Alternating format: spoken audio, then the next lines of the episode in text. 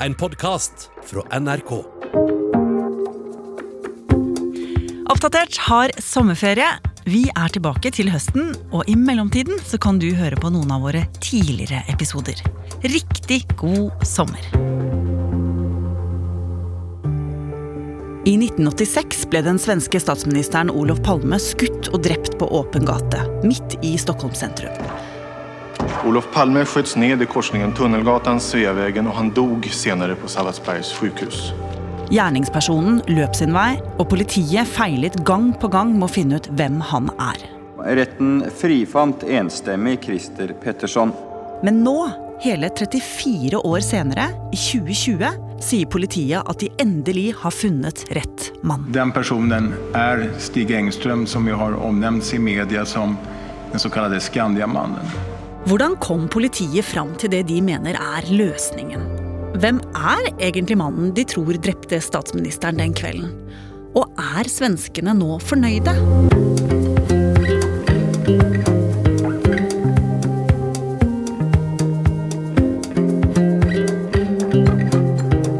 Du hører på Oppdatert. Jeg heter Ragna Nordenborg. Se for deg at Norges statsminister blir skutt og drept på åpen gate midt i Oslo en eh, fredagskveld, og saken blir ikke oppklart. Dennis Ravndal er vaktsjef og journalist i NRK Nyheter. Og i Sverige så har dette etterlatt seg et åpent sår, det kalles for et folketraume, og det skapte en mistillit til det svenske politiet som sannsynligvis fortsatt varer frem til i dag. Ja, for dette skjedde jo i 1986. Og først nå mener de at de har funnet rett mann. Hva er det som gjorde at saken tok en ny vending? Nei, I 2017 så kom det en ny etterforskningsleder inn i denne saken, Christer Petersson. Han er en eh, kjemperutinert politimann som har jobbet med mange av de største og vanskeligste drapssakene i Sverige, blant annet eh, et annet politikerdrap på utenriksministeren Anna Lind. Da han kom inn, så sa han nå starter vi helt på scratch. Nå kaster vi alt, og så begynner vi ved utgangspunktet. Men vi besluttet oss også for at det skulle skje en gjennomgang utav det material som gjaldt dels brottsplatsen, hendelsen og de personer som varit nærværende. Hvordan ville vi etterforska denne saken hvis det hadde skjedd i dag? Og da har han sagt at utgangspunktet for etterforskningen, det er åstedet for drapet, og hvem som var der. Vi skal tilbake til 28. februar 1986, og Sveriges statsminister Olof Palme og kona Lisbeth har på kort varsel bestemt seg for å dra på kino sammen med sønnen Morten og kjæresten hans for å se en eh, ny svensk komedie. De har tatt litt feil av tiden.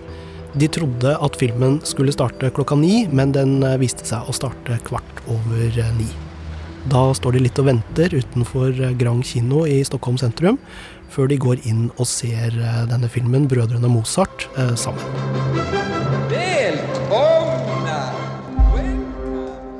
Og den er ferdig rundt fem over ti over elleve eh, på kvelden. Og da er det en liten diskusjon i foajeen om de skal gå ut og spise, eller om de skal gå hjem. Og Olof Bame sier at han vil gå hjem og at han har lyst til å gå og ikke bruke T-banen, for han har sittet hele dagen og er litt eh, støl. Tidligere på dagen så har han sendt eh, sikkerhetsvaktene sine hjem, så det er kun han og kona Lisbeth som eh, spaserer arm i arm på vei hjem fra kino. De går langs Sveaveggen. Det er en sen fredagskveld. Det er en god del mennesker ute. Det er eh, vanlig gatelys, butikker, eh, biler som eh, står og venter på rødt lys idet ekteparet Palme går forbi. Etterpå så har det vist seg at det er rundt 25 mennesker som er i nærheten akkurat da dette skjer. Og noen av dem sitter på en måte og kikker ut og, og ser da at det kommer en person gående bak ekteparet Palme. Noen oppfatter at han går så tett opp til dem at det virker som de går sammen. Og andre oppfatter det som at det er en person som følger etter dem. Og så tar denne personen frem en stor, grovkalibret revolver, som et av vitnene beskriver, og skyter et skudd i ryggen til Olof Palme. Så avfyrer han nok et skudd, som sneier Lisbeth Palme, og Sveriges statsminister faller nærmest død om med en gang. Hva er det som skjer etter at skuddet har falt og han har gått i bakken? Da kommer det flere personer eh, løpende til, annet en ung eh, kvinnelig sykepleierstudent, eh, som med en gang begynner å forsøke livreddende førstehjelp på den mannen som hun fortsatt ikke vet hvem er. Og jeg kjenner direkte på halsen om han har en puls. Og jeg kan ikke kjenne noen puls. Når jeg bør trykke mot brystet, så kommer det jo mer blod. Så eh, det, blir, det börjar jo komme en større og større pøl under honom. Det rinner ut på hans rygg. Så jeg halker jo rundt i det der blodet i mine knän. Det är vid det läget också som det börjar komma blod ur hans mun. Jag tänker bara att jag måste få igång hans hjärta. Jag vet ju inte hur skottet har tagit.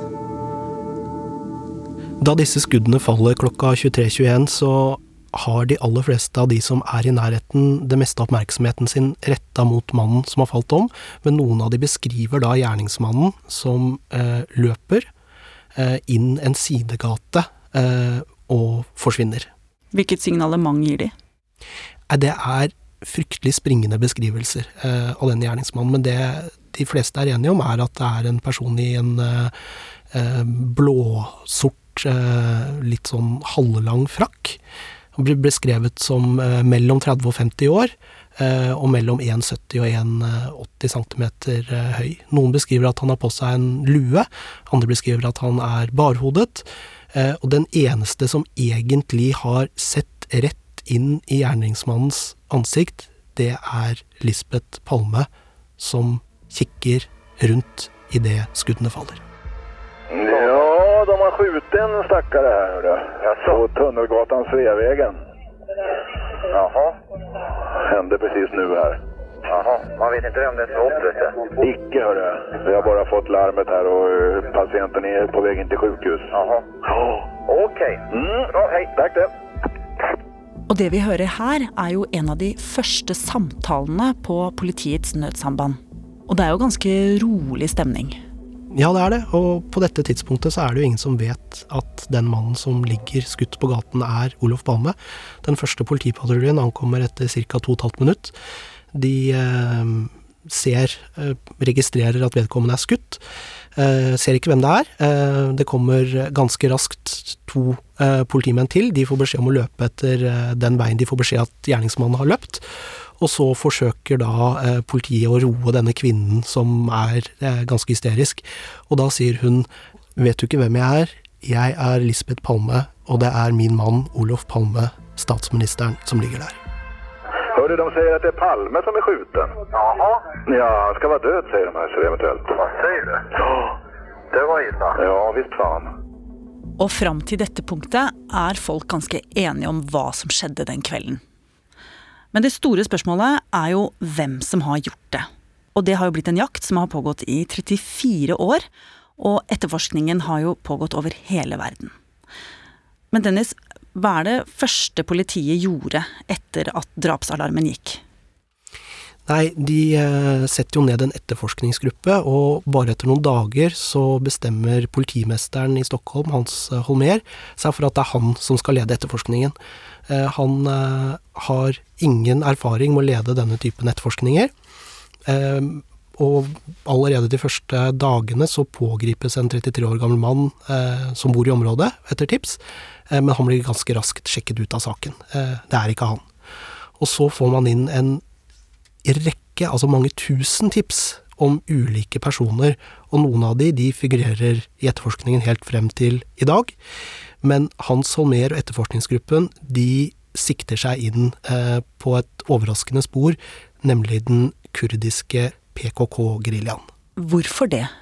Nei, den eh, har eh, Sverige, med Olof Palme i spissen, erklært som en terrorgruppe en kort stund i forveien, etter eh, to attentat mot tidligere medlemmer i, i Sverige. Så teorien etter tips er at dette kan være en hevnaksjon fra denne gruppen, men det viser seg at dette er feil, og politimesteren må gå. Og det skjer i 1987, nesten år etter Palme ble drept. Hva var politiets strategi etter det? Da begynner de å se på alle de andre tipsene eh, de har fått inn, eh, og begynner å se på enkeltpersoner som har vært i nærheten av eh, Sveaveggen. Og ganske raskt så er det én person de fatter ekstra interesse for. Det er Christer Petterson, en uføretrygdet, alkoholisert rusmisbruker som tidligere er dømt for drap. Hvorfor han? Han var beviselig i dette området eh, da drapet skjedde. Men først i desember 1988, da det tas en eh, såkalt videokonfrontasjon, der Christer Petterson eh, blir stilt opp sammen med andre som ligner han, og dette blir vist Lisbeth Palme, så tenker politiet at det har løsnet. Ja, at det er Christer Petterson som er morderen. Men hva er det med denne videokonfrontasjonen som gjør at de begynner å tro det? Da skal vi huske at Lisbeth Palme er den eneste som har sett gjerningsmannen på kloss hold. De reiser hjem til Lisbeth Palme, og ulykksalig så forteller de henne på forhånd at det er en rusmisbruker som er pågrepet. Så ser hun på dette bildet av alle disse mennene som er oppstilt ved siden av hverandre, og så sier hun ja, man ser jo hvem det er som er rusmisbrukeren her, og så peker hun ut Christer Petterson.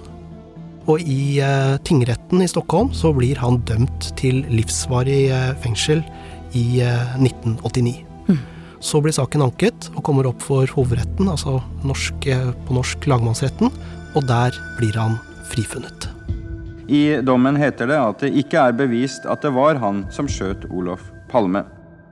Så alle i Sverige har trodd at gjerningsmannen var Christer Petterson, men så ble han sluppet fri.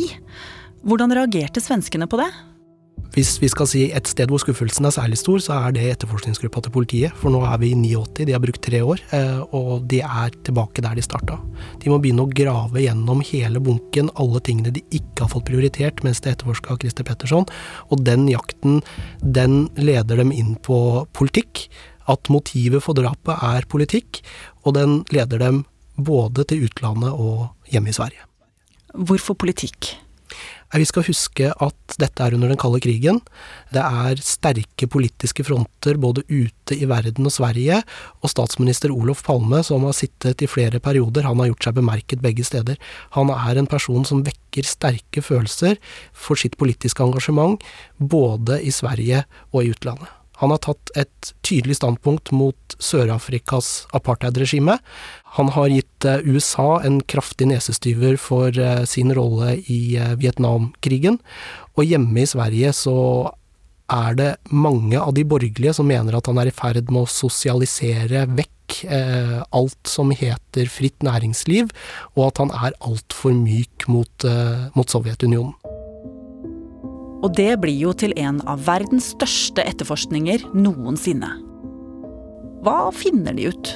Nei, De får jo annet eh, inn et tips fra kolleger i Sør-Afrika eh, om at eh, det skal være en eh, etterretningsagent fra eh, apartheidregimet som eh, skjøt Palme.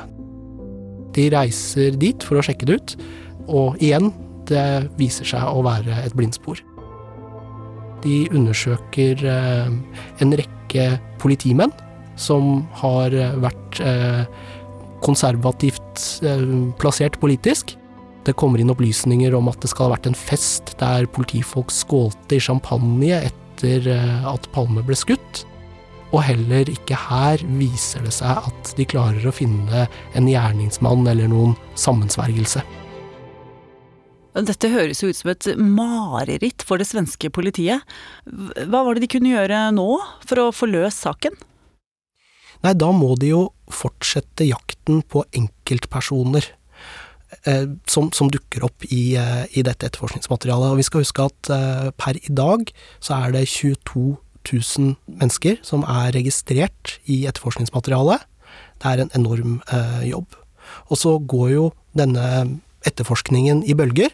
I noen perioder så er det få som etterforsker, og i andre perioder så er det, så er det mange. Og det bringer oss egentlig frem til eh, nå, og de nye teoriene som eh, politiet har kommet med. Jeg syns vi arbeider nå med spår som er høy, høyinteressante. Og min målsetting er at vi under første halvåret 2020, altså første halvåret i år, kommer å kunne presentere antingen et beslut i åtalsfrågan som går ut på at vi åtaler noen, eller at vi avslutter forundersøkningen. Men har ni kommet nærmere en løsning på mordet på Olof Palme? Enligt min oppfatning, ja. Vi hører her et intervju fra SVT som eh, gikk i februar i år, med Christer Petersson. Etterforskningslederen. Det er jo litt gøy at han har nesten det samme navnet som Christer Petterson. At han forteller at nå tror han at saken blir løst innen sommeren. Hva tenkte du da du hørte det? Ja, da går krimpulsen min eh, opp, altså. Og så kaster jeg meg inn på alle de svenske avisene. Og der er det jo flere palmeeksperter enn det er i Norge. Og de begynner jo alle sammen å tolke hva det er han faktisk har sagt, og hva det er han faktisk mener. Jeg kjenner meg fortsatt positiv at vi skal kunne presentere hva det er som har hendt den 28 februar 1986. Hva det er som har hendt? Hvordan da mener du? Ja, kring, mordet og hvem som er ansvarig for mordet og uh, hvordan det ligger til. Han tror at saken kan bli løst eh, på en tilfredsstillende måte. Eh, han tror at eh, de kommer til å bli ferdig eh, før sommeren. Og ut fra hvordan han ordlegger seg, så eh, tolker man det som at gjerningsmannen sannsynligvis er død. Og hva betyr det? Jo, hvis man ser det sammen med det han også har sagt, da, at man tar utgangspunkt i åstedet og hvem som var der, så begynner det jo å tegne seg et bilde. For der har vi jo ganske god kontroll på hvem som var og ikke var. Og så begynner da alle journalistene å kaste seg over en artikkelserie og en bok som kom ut i 2018, der en journalist i det svenske magasinet Filter peker på det han mener er gjerningsmannen. Og det er en eh, person som beviselig var på åstedet, og som har figurert i etterforskningen og i media helt siden starten, da han fikk navnet Skandiamannen. Som vi nå vet heter Stig Engstrøm, og som er den nye hovedmistenkte. Hva kan du fortelle om han? Eh, da kan vi spole tilbake igjen, egentlig, til 28.2.1986.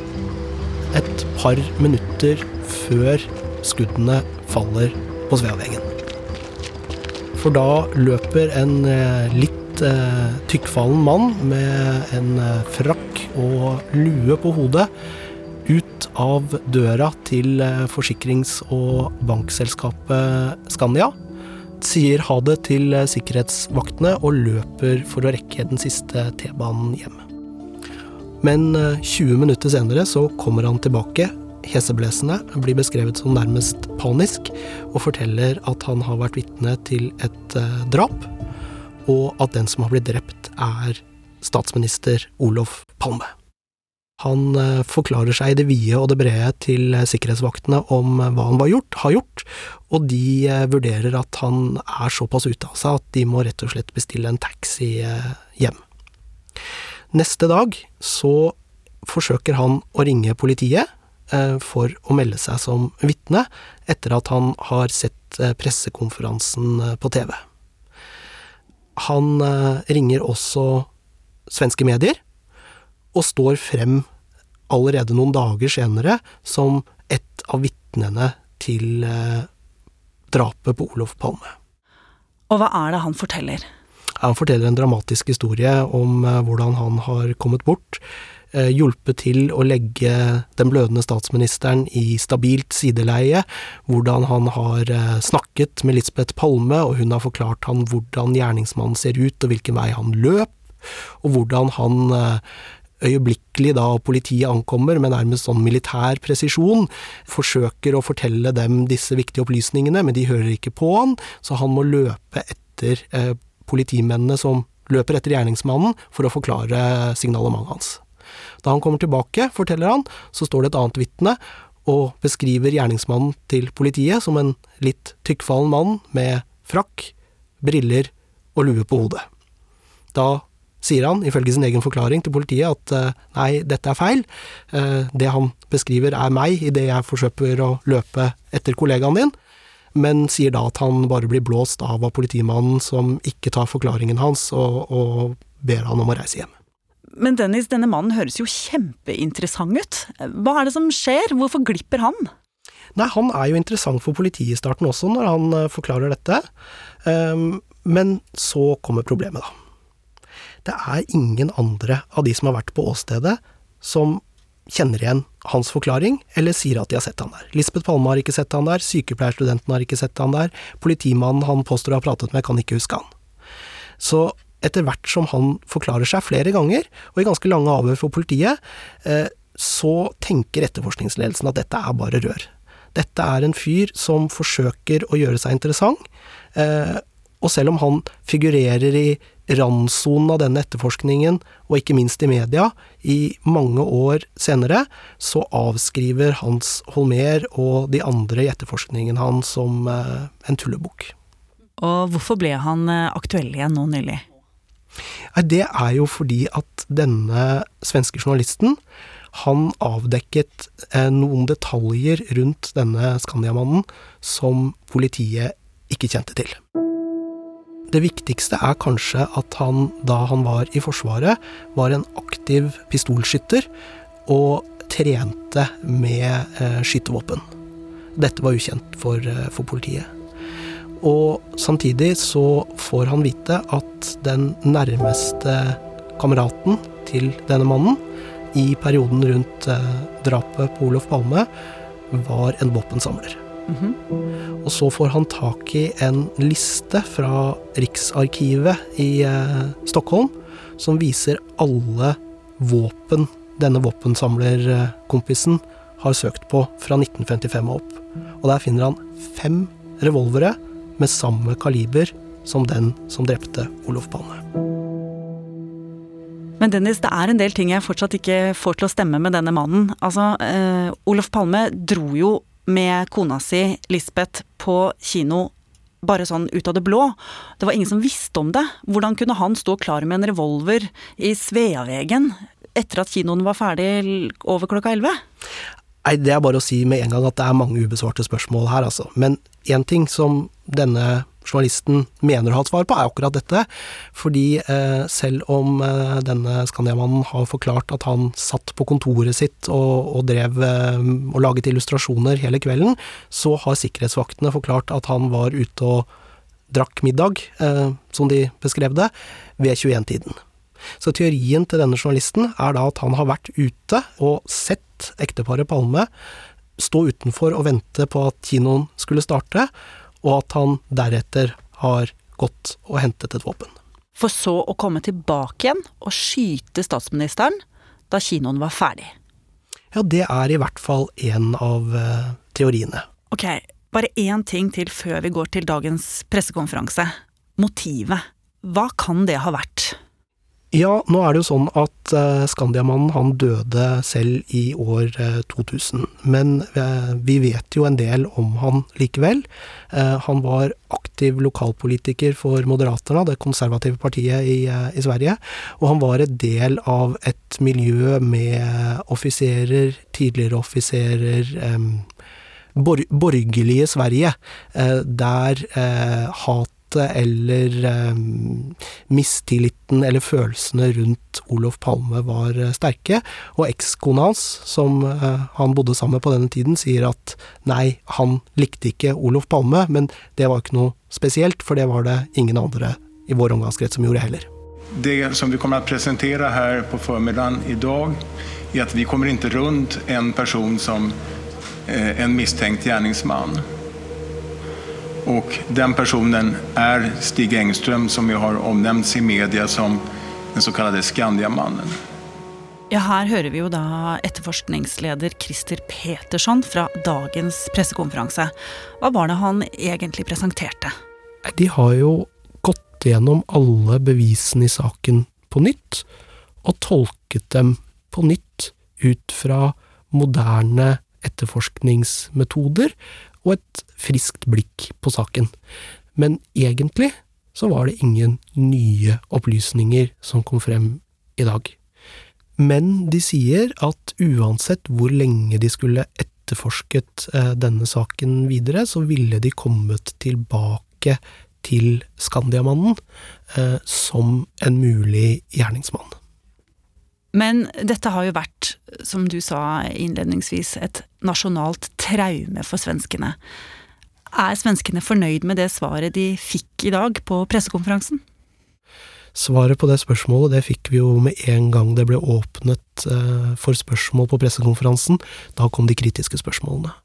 I løpet av en halvtime så var de første svenske kommentatorene ute i mediene og sa at uh, dette holder ikke. En av uh, kommentatorene i Aftonbladet kalte det for en komplett skandale. Så svaret på det er vel at uh, denne saken kommer til å fortsette, og det kommer til å lanseres en rekke nye teorier. Men politiet og etterforskerne i politiet, de har avsluttet saken en gang for alle. Ja, det var jo det de åpnet med å si i dag. Samtidig så sa jo statsminister Stefan Löfven, og sånn som han har oppfattet det, så er det klart at kommer det nye bevis inn i saken, så må jo politiet etterforske det. Ehm, så igjen, eh, det er mye som ikke fremstår så veldig klart eh, etter denne pressekonferansen også.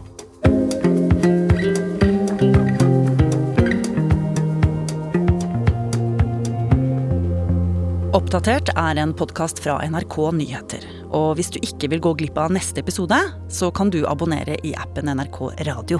Bare søk på Oppdatert, så finner du oss.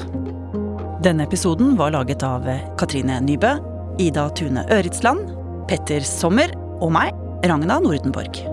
Vil du kontakte oss, gjør det på oppdatert krøllalfa nrk.no.